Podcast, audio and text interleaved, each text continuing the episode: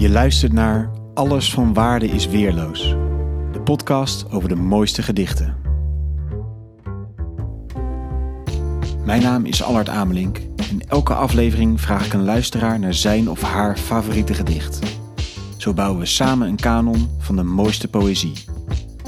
In deze aflevering hoor de keuze van. René Segers.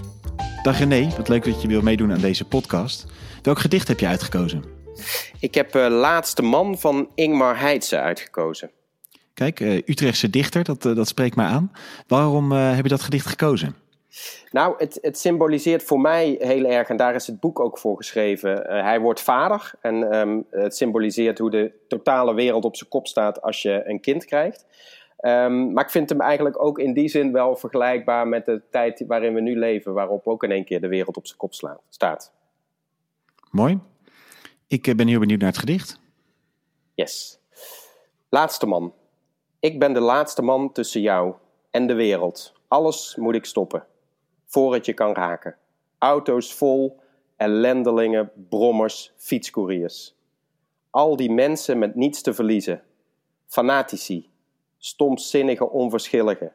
Volslagen onhoudbaar, verdwaalde kogels, bacteriën en virussen. Die ik niet eens kan zien fijnstof, elk mogelijk lijden dat nu al in je eiwit slaapt. Er zou een keeper moeten zijn. Maar als ik omkijk, zie ik niets en dus kijk ik niet om, alleen vooruit. Niemand, hoor je, niemand komt erdoor. Mooi, dankjewel René. Ja, graag gedaan.